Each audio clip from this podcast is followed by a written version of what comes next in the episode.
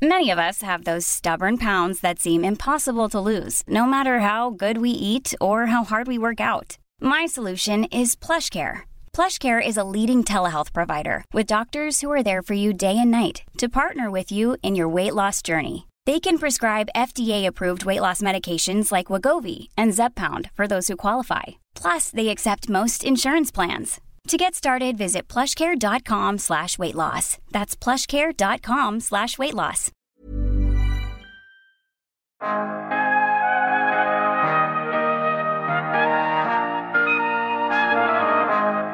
Att prata vad det kostar att ladda en elbil, det är en komplex fråga. Bensin och diesel har ungefär samma pris över hela landet. Medan el har du fyra elprisområden. Sen beror det på om du laddar hemma eller om du laddar publikt och så vidare. Så att eh, vi ville skapa lite kunskap över vad det faktiskt kostar. Och då visar det att eh, tar man snittpriset förra året så i de bästa fallen så skiljer det nästan 10 kronor billigare per mil att köra en elbil jämfört med en bensinbil.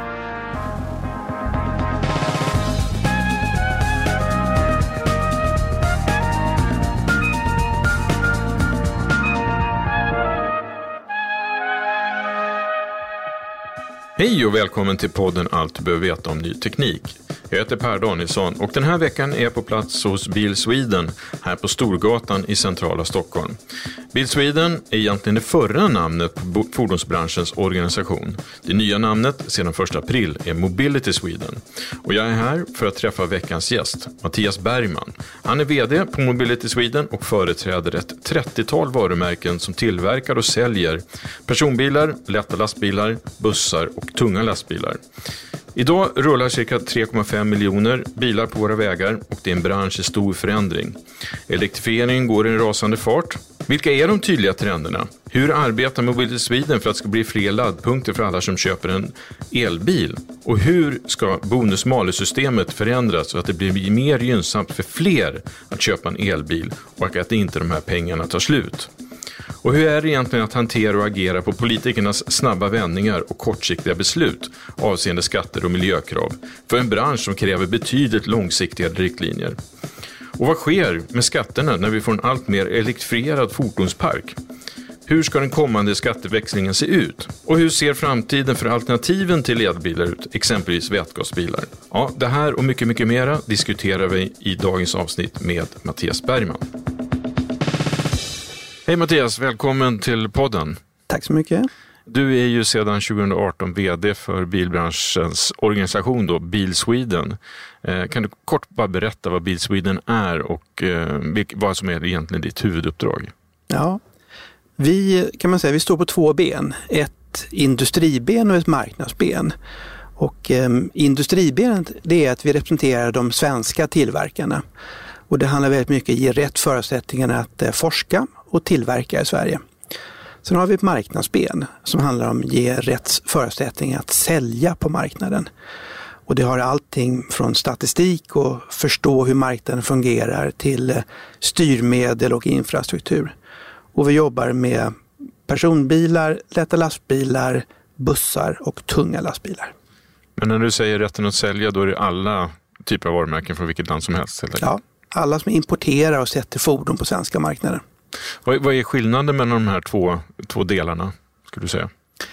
Ja, det, man kan säga att eftersom det ena handlar ju inte om hur man säljer, utan hur man får hur man som en global aktör forskar och producerar och behåller sin globala konkurrenskraft. Eh, och att fordonsindustrin i Sverige är väldigt viktigt för Sverige som helhet. Det är många som är sysselsatta och är beroende av, av eh, vår exportnäring och så vidare. Medan marknaden så har det världens alla aktörer i princip som är här och ska konkurrera på samma villkor. Så det är olika typer av frågor. Mm. Vi ska gå vidare och bara få, få en uppskattning eller en uppfattning av eh, hur fordonsbranschen ser ut idag. Jag tänkte, hur många medlemsföretag representerar du idag? Vi har ungefär 30 medlemmar. Eh, och det är ju som sagt allting från de fyra svenska tillverkarna, de två Volvo-bolagen, Scania och Nevs. Och sen så har du importörer. Det är allting från stora Volkswagen-gruppen och Tesla till eh, de nya medlemmarna som kommit in eh, sista året som Xpeng och Nio och MG och så vidare. Är det några varumärken som står utanför? Ja, tyvärr så har vi några som står utanför och eh, framförallt är det de varumärken som representeras av en importör som är KV Brun. Och, och vilka, vilka varumärken är det? Och där har du Peugeot, Opel, Citroën och DS. De här medlemmarna betalar en avgift till dig varje år. Vad, vad ligger den på ungefär? Man kan säga att vi har en medlemsavgift på eh, 35 000 kronor som är samma för alla. Sen betalar man beroende på ens marknadsandel. Så har du en stor marknadsandel som Volvo Cars och Volkswagen-gruppen så betalar du flera miljoner. Och de minsta bolagen har en minimiavgift på totalt 125 000 kronor. Så hur mycket pengar får ni in för att driva organisationen varje år? Ja, men vi, vi ska täcka våra kostnader, så ungefär 25 miljoner kronor.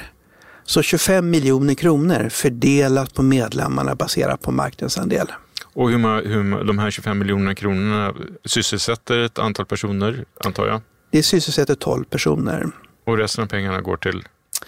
Ja, dels är det kontor, men um, genomföra event som Almedalen.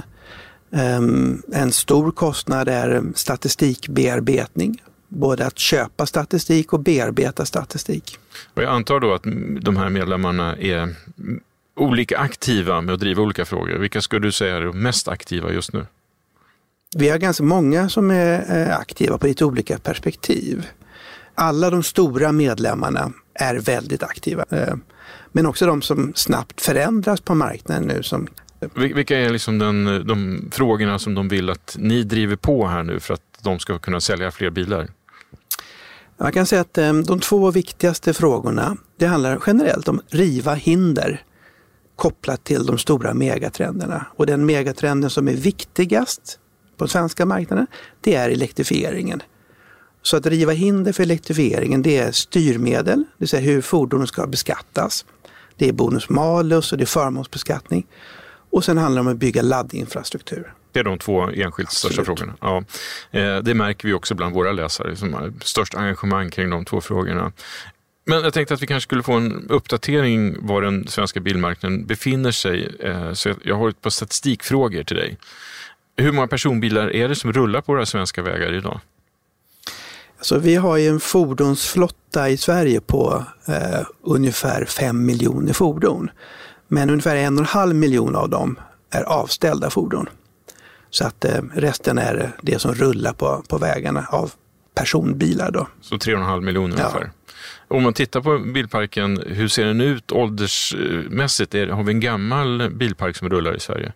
Ja, vi har faktiskt en äldre personbilspark än vi har i, i Europa överlag.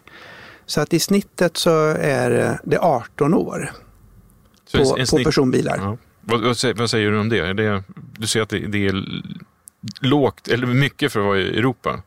Så hur, hur långt ner hamnar vi på listan?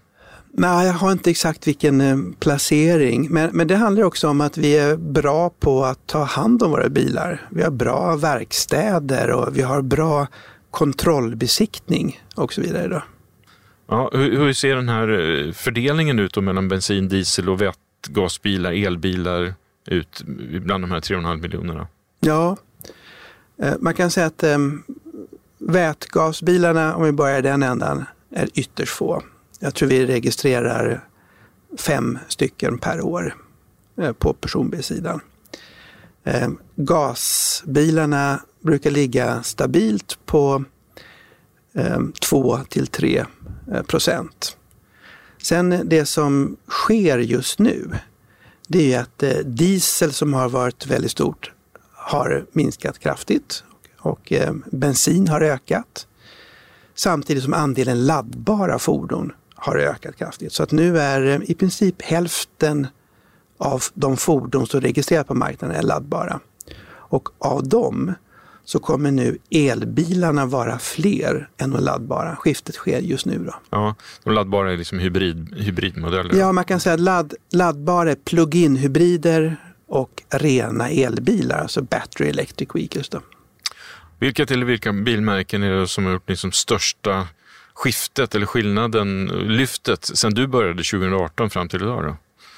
Ja, en, um, um, man kan väl säga att mycket av de fordonen som går i den här riktningen med laddbara fordon, det är där du har sett en, en stor förändring. Um, Tesla fanns inte på marknaden. Kia har ställt om sitt produktsortiment uh, väldigt snabbt. Sen har det kommit in en, en del nya aktörer. I somras kom MG in och tog ett par procent av, av marknaden och så vidare. Då. Vad, vad säger du om marknaden rent generellt? Är, är det mycket som händer eller är den stabil? Nej, alltså det så kan man säga att vi har mycket det som påverkar det marknaden. Det är ju dels generellt hur svensk ekonomi går. Eh, och det har varit relativt stabilt. Däremot så har politiken i form av att sätta styrmedel på marknaden som införs med kort varsel har gjort att bilmarknaden varit väldigt ryckig. Att eh, blir det en stor effekt för de som ska köpa eller äga en bil så eh, passar man på att köpa innan det blir en försämring. Och sen blir det en långsam marknad i ett kvartal till ett halvår och sen så går den upp eh, igen. Så styrmedlen är det som, som driver.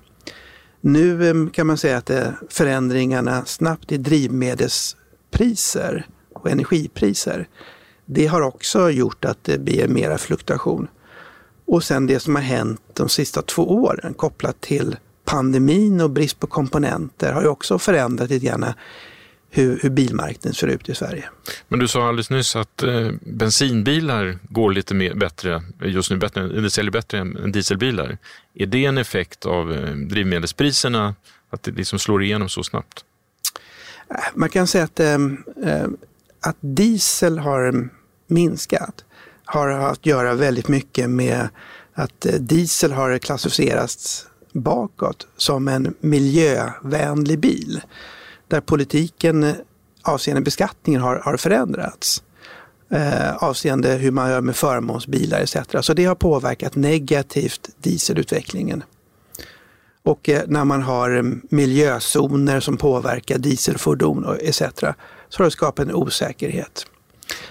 Det är fortfarande eh, en högre energieffektivitet i dieselbilar jämfört med, med bensinbilar, men beskattningen har påverkats negativt.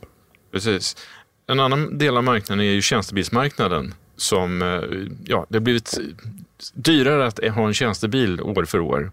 Vad säger du om den här utvecklingen och hur påverkar det bilförsäljningen? Ja, men det är olyckligt. Ehm, företagen är ofta de som driver en teknikskifte. Ett företag kan ha råd att eh, ta en ny teknik som är dyrare för en del av ens eh, varumärke och omsorg av de anställda och så vidare. Nu när regeringen har eh, gjort att det ska inte finnas några förmåner att ta ut lön i form av, av bil eller i form av lön, så har ju den delen av marknaden fallit kraftigt. Och det är olyckligt, för då minskar det ner hastigheten i omställningen. När, när du klev in här då 2018, eh, om du tittar på den, hur marknaden såg ut då och den, position, eller den situation vi är i idag. Vad har förvånat dig mest under de här fyra åren? Ja, man kan säga att det som um, har förvånat, det är ju vilken kortsiktighet som politiken har i förhållande till oss från industrin. Kommer man från fordonsindustrin så vet man att det kanske tar tre år att utveckla ett fordon och sen ska du ha den i drift i 15 år, eller 7 år 7-8 år och sen så har du eftermarknad på 15 år. Så att vi är väldigt långsiktiga det vi gör. Men politiken fattar snabba beslut som får väldigt stora konsekvenser både för oss som industri och våra kunder. Men anser du att eh, dagens politiker är populistiska för mycket än eh, konsekvenstänk? Man kan säga så här att det som har skett under de här eh, senaste åren det är att man genomför ett antal som vi kallar för megatrender, där vi byter drivlina, vi går till uppkopplade fordon och vi byter ägandet på fordon till mer och mer att man nyttjar en tjänst. Allt det här och framförallt det som har med byte av drivlina, det är komplexa frågor. Att eh, prata om eh, vad är högst energieffektivitet mellan olika drivmedel och tala om olika motorer och, och så vidare. Vi som jobbar i det här, för oss är det komplext. För politiken som jobbar med alla frågor så är det lätt att gå vilse. Att man väljer enkla frågor, en boll i luften och då är det lätt att politiken går fel. Så att eh, vi får ta på oss från branschen på att bli bättre på att kommunicera för att nå fram till politiken. Och det är ditt jobb helt enkelt? Det är mitt jobb tillsammans med kollegorna i branschen att, eh, att vara med och påverka och utbilda ett helt ekosystem som måste gå i takt. En vanlig fråga och ständigt, ständigt debatterad fråga är ju egentligen vad det kostar att köra en elbil i jämförelse med en dieselbil. Och eh, i februari så presenterade ni en analys över vad det här kostar och att det faktiskt då är, det är billigare än en bensin och dieselbil. Kan du, kan du berätta om den här analysen och varför resultatet blev så här? Mm. Det är viktigt. Vi vill ju ha en, att man har en, en debatt i Sverige som är baserad på fakta.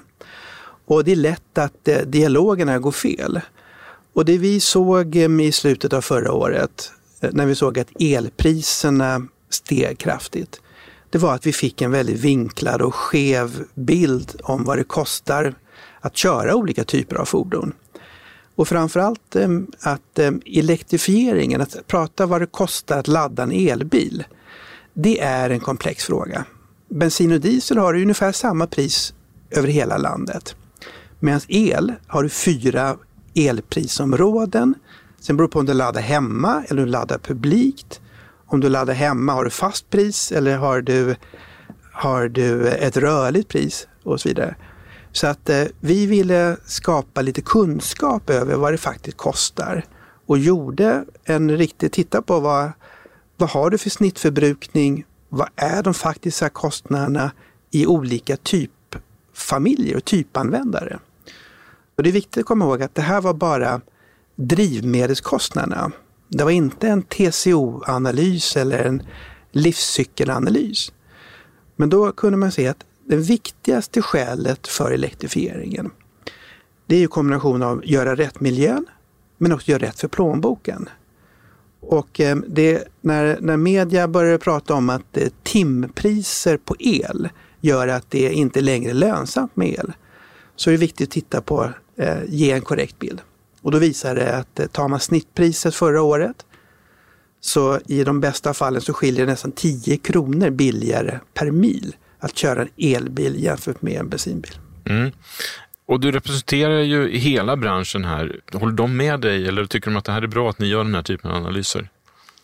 Alltså, mitt uppdrag det är att eh, utgå från fakta, göra transparenta analyser.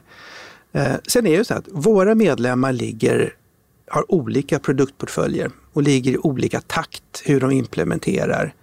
Så att det, det finns i alla våra frågor så finns det medlemmar som tycker saker är jättebra och medlemmar som tycker att det är, sämre. Mm.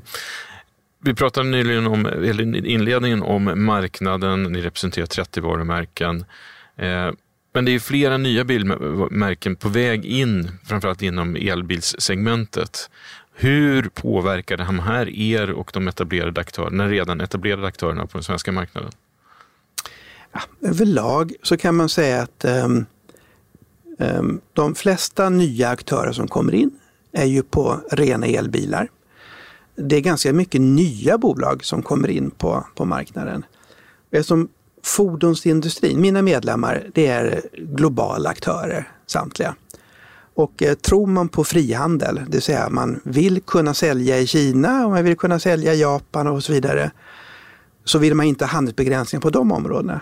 Då måste vi vara lika öppna mot nya aktörer på svenska marknaden. Och generellt, hög konkurrens gör att man blir bättre på det man gör. Så det, nya medlemmar tas emot med öppna armar så länge det är professionella aktörer.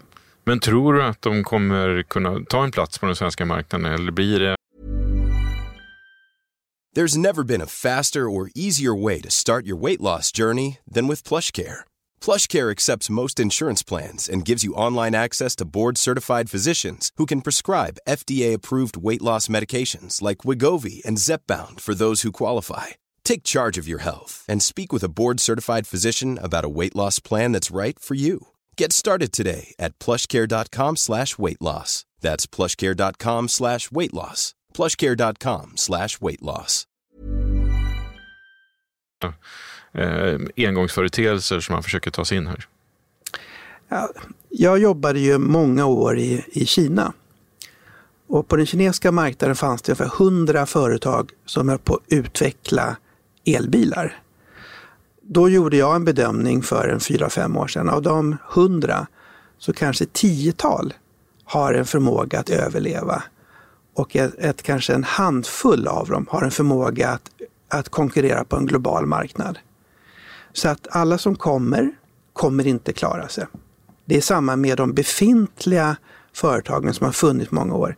Det, det är så stora kostnader, så stora förändringar så även befintliga aktörer är under press i dagsläget. Mm. En, en, viktig fråga som vi nämnde tidigare var ju då laddinfrastruktur, inte minst för alla som går och funderar på att köpa en elbil och de som har en elbil. Vad tycker du om laddinfrastrukturen idag i Sverige?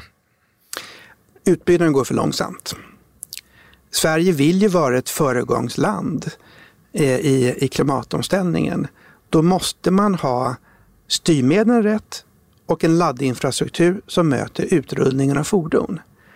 Idag ligger vi på ungefär 20 elbilar eller laddbara fordon per, per publik laddpunkt. Och ett mått för att eh, i Europa, för att man ska ha tillräcklig utbyggnad, det är 10. Mm. Så och när, jag, när når vi dit då? Ja, det är mm, svårt att säga.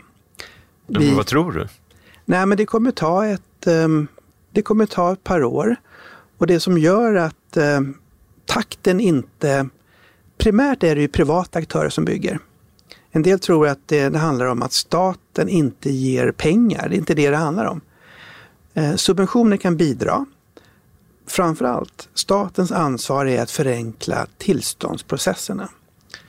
Idag så pratar vi om att det tar kanske 22 månader från att man börjar projektera en laddpunkt till att man kan koppla upp den på nätet. I Finland så tar det fyra månader. Och här är det ett antal frågor om enklare bygglov, enklare omvandla jordbruksmark till industrimark och enklare processer att få besked från energibolagen om att man finns tillräcklig effekt och kapacitet. Det här låter ju som självklara saker och att vi borde kunna vara lika snabba som Finland, eller hur? Finland är ofta snabbare.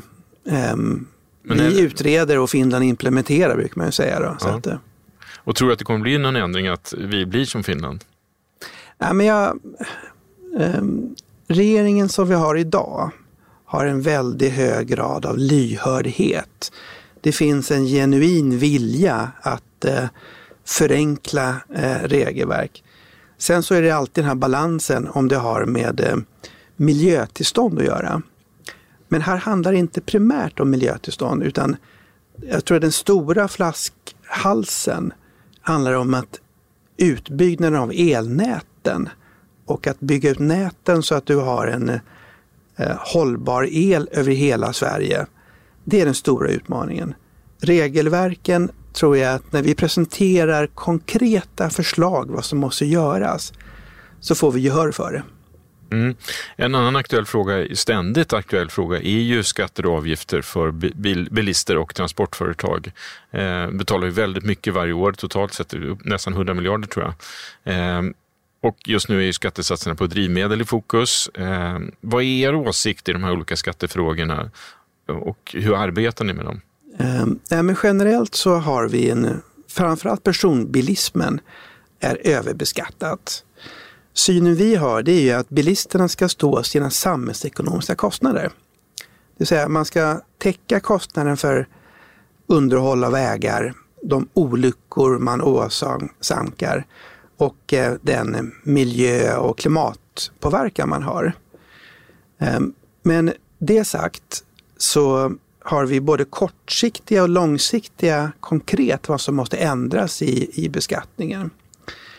Eh, en viktig fråga vi har jobbat med det är att eh, skatteundantaget för höginblandat. Att vi nu fick regeringen att ansöka ett undantag till EU på tio år. Tidigare har man sökt ett år i taget. Ska vi få ner kostnaderna på drivmedel och skatter så måste vi eh, veta vad som gäller i flera år framåt. Så exempelvis HVO 100, får vi nu det här undantaget så skapar man förutsättningar dels att producera i Sverige, investera, men också att det faktiskt blir lägre skatter. Sen när det gäller reduktionsplikten så tycker vi i det korta perspektivet att pausa den under kriget är bra.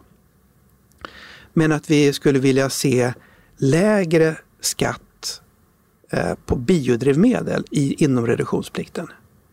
Eftersom biodrivmedel är dyrare än de fossila drivmedlen.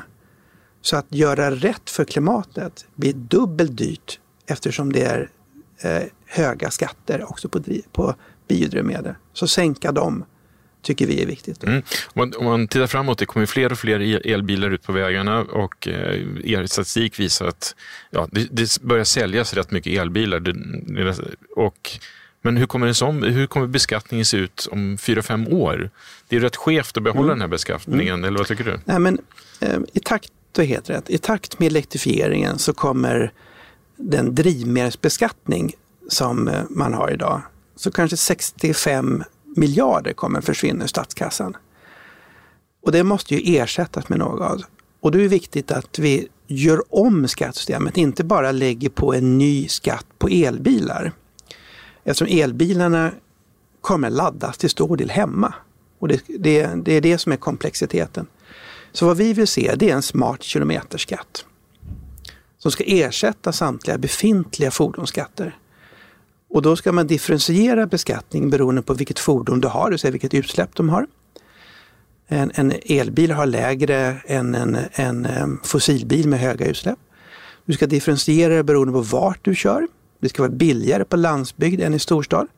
Och du ska differentiera på när du kör. Det ska vara dyrare i rusningstrafik än utanför rusningstrafik. Och då skulle man få i, kunna växla det här mot 65 andra miljarder? Då, helt enkelt. då säger vi utgångspunkten, om du går till en finansminister och säger att du ska ta bort skatterna, då är samtalet slut. Så utgångspunkten är att låt oss behålla i dagsläget samma typ av beskattning, men skifta den till en smart kilometerskatt. Sen på sikt måste vi få ner den totala beskattningsbördan på, på bilismen. Hur ofta promenerar du bort till Rosenbad och försöker påverka politikerna? Då? Just nu är det mest um, digitala möten. Men um, vi har väl möten med ministrar eller statssekreterare eh, minst en gång i veckan ska jag säga.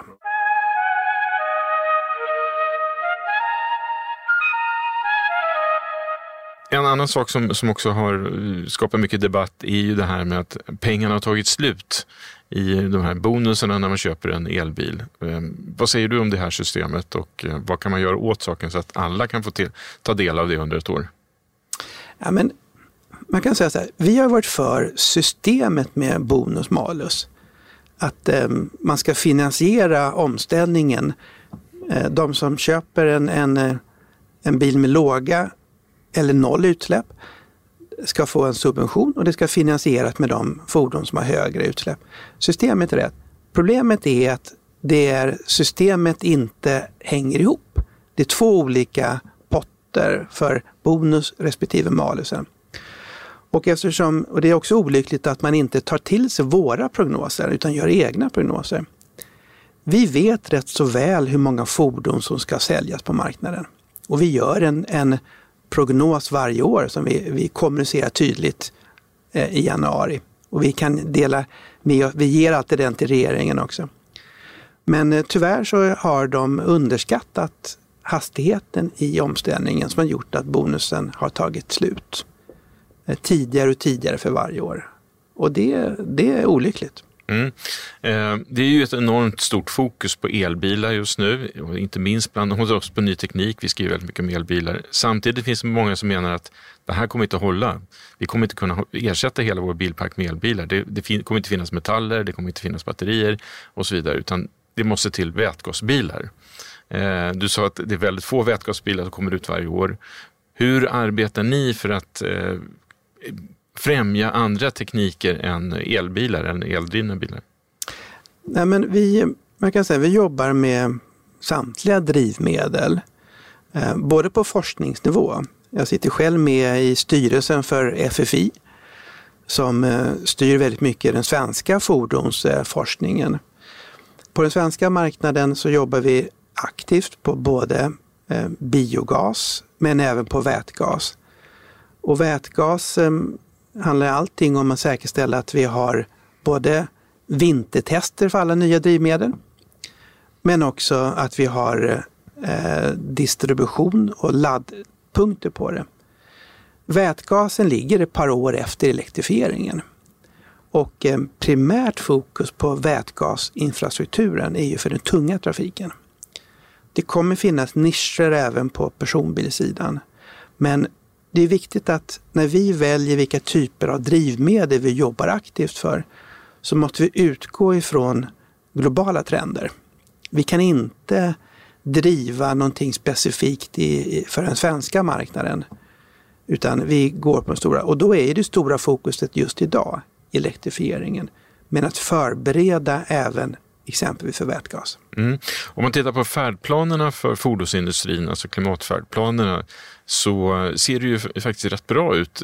Alla prognoser tyder ju på att ni kommer klara det här och eh, till och med tidigare än vad som tidigare var sagt att eh, exempelvis skulle alla tunga fordon som säljs, eh, 50 procent av alla tunga fordon som säljs 2030 skulle vara elektrifierade. Nu ser det här ut att kanske bli klart redan runt 2027-2028. Vad säger du om fordonsindustrins eh, grepp om klimat, eller koldioxidutsläpp och klimatansvar? Jag tror att det har skett en jättestor omsvängning eh, sista åren. Att man sista åren verkligen har insett vilket ansvar man har att eh, driva den här eh, teknikomställningen som möjliggör en klimatomställning. Så att överlag så finns det ett stort engagemang både i OM och i både nationella branschorganisationer och europeiska och globala branschorganisationer som eh, vi har. Då. Men, men det har varit en, en snabb omställning ska jag säga sista åren. Det här, känner folk till det här? Nej, det, det, det tror jag inte. Är det, är det ditt fel att eh, det inte kommuniceras tillräckligt mycket? Ja, vi alla har ett ansvar eh, i det och det är klart att eh, varje VD för en OEM har ju ett ansvar för sin egen strategi.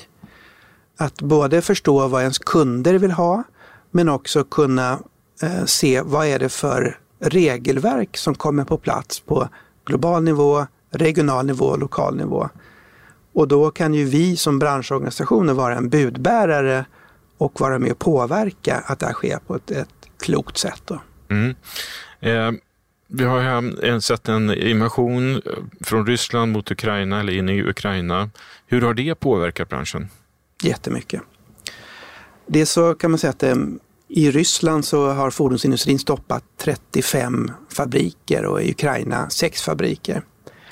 Sen så är det ju ehm, komponentleveranser. Framförallt har det varit ehm, kablage från Ukraina som har stoppat många fabriker runt om i Europa. Och sen är det framförallt Ryssland som råmaterialleverantör. Palladium till katalysatorer, silver till elektronik, nickel till batterier, neon till halvledarproduktion eh, och så vidare. Och framförallt eh, olja och gas. Att olja och gas driver upp våra produktionskostnader, komponentkostnaderna, Eh, transportkostnaderna. De är både dyrare och sen när man ska flyga från Asien så blir det längre. Och sen har det påverkat växelkurseffekten. Så allting ihop eh, har gjort att det har varit, blivit längre leveranstider och att det finns risk att eh, det kommer leda till högre Eh, priser på fordon. Jag antar att du har fått jobba betydligt lite hårdare nu de sista månaderna. Det kan man säga. Vad, vad är, det som, är det här någonting som, vad säger du om den här första månaden? Vad har du gjort för någonting? Ja, men, eh, först så handlar det om att eh, förstå läget. Som handlar väldigt mycket om dialog med våra medlemmar. Eh, när vi väl har förstått läget så är det väldigt mycket att informera regering och myndigheter. Och det har varit en väldigt stor grad av lyhördhet. I princip alla ministrar och statssekreterare vi har bett om att få träffa har vi fått träffa med eh, kort varsel. Sen kommer ju nästa från att man in, förstår och informerar till hur man ska agera. Vad behöver vi göra för förändringar i industrin eller i politiken? Och där börjar vi nu få ihop konkreta förslag som vi presenterar. Ett område som vi inte har berört än så länge är ju självkörande fordon. Det är lite fram, längre fram i tiden, men jag vet att ni gör en hel del saker på, den här, på det här området också. Kan du berätta vad, vad ni gör? Ja, men på självkörande och gå mot autonoma fordon med olika steg. Det är en av de här tre vi kallar för stora megatrenderna. Och primärt så gör vi vårt arbete att säkerställa att vi får en, en regulatorisk roadmap på global nivå. Att, som jag sa, det, vi är en global industri och eh, vi måste ha samma regelverk när vi utvecklar ett fordon. Hur ett, ett fordon som har antingen helt autonomt eller har förarassistanssystem, hur de ska få framföras i olika länder globalt. Då har vi kommit ganska långt i det arbetet nu. Att vi börjar närma oss ett, ett globalt regelverk. I Sverige handlar det väldigt mycket om att få jobba med myndigheterna, få tillstånd att ha piloter. Eh, och sen eh, att genom forskningsprogram få riskspridning genom samfinansiering mellan näringsliv och staten på att faktiskt utveckla den här typen av produkter. Sen så handlar det väldigt mycket om att utbilda hela ekosystemet runt omkring och framförallt även få konsumenter att se vilka fördelar det är. Jag presenterade dig som VD på Bil Sweden, men nu har ni faktiskt bytt namn och identitet. Eh, vad är du VD på igen nu? Första april så byter vi namn och eh, vi har haft en resa under flera års tid där vi flyttar oss från att producera bilar, lastbilar och bussar till att leverera mobilitetstjänster. Och vi har idag ett eh, namn med Bil Sweden som många känner, förstår inte att vi också jobbar med lastbilar och tjänster. Och vi är globala. Men idag är bara halva vårt namn globalt i form av Bil Sweden. Så att eh, det vi kommer att eh, heta nu, det är Mobility Sweden. Som eh, gör den här förflyttningen till att det är hållbar mobilitet. Vi pratar om eh, den cirkularitet och hållbarhetsfrågorna. Att vi är ömsesidigt beroende av, av varandra och att vi är en aktör på en global marknad. Ja, det ska bli spännande att följa eh, er, er, verksamhet under det nya varumärket. Då. Men till sist, hur ser den svenska bil och fordonsmarknaden ut 2028, tror du? Ja, 2028 så kommer i princip eh, flertalet nyregistrerade fordon eh, vara helelektriska och en mindre del också med, med plug-in hybrider. Så elektrifieringen har kommit väldigt långt. När det gäller tunga sidan så är jag ganska övertygad om att vi har kommit över 50 procent laddbara fordon.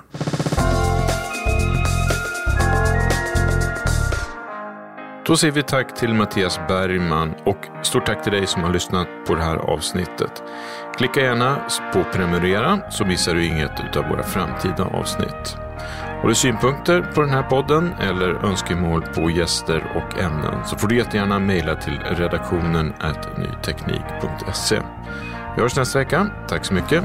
Hej!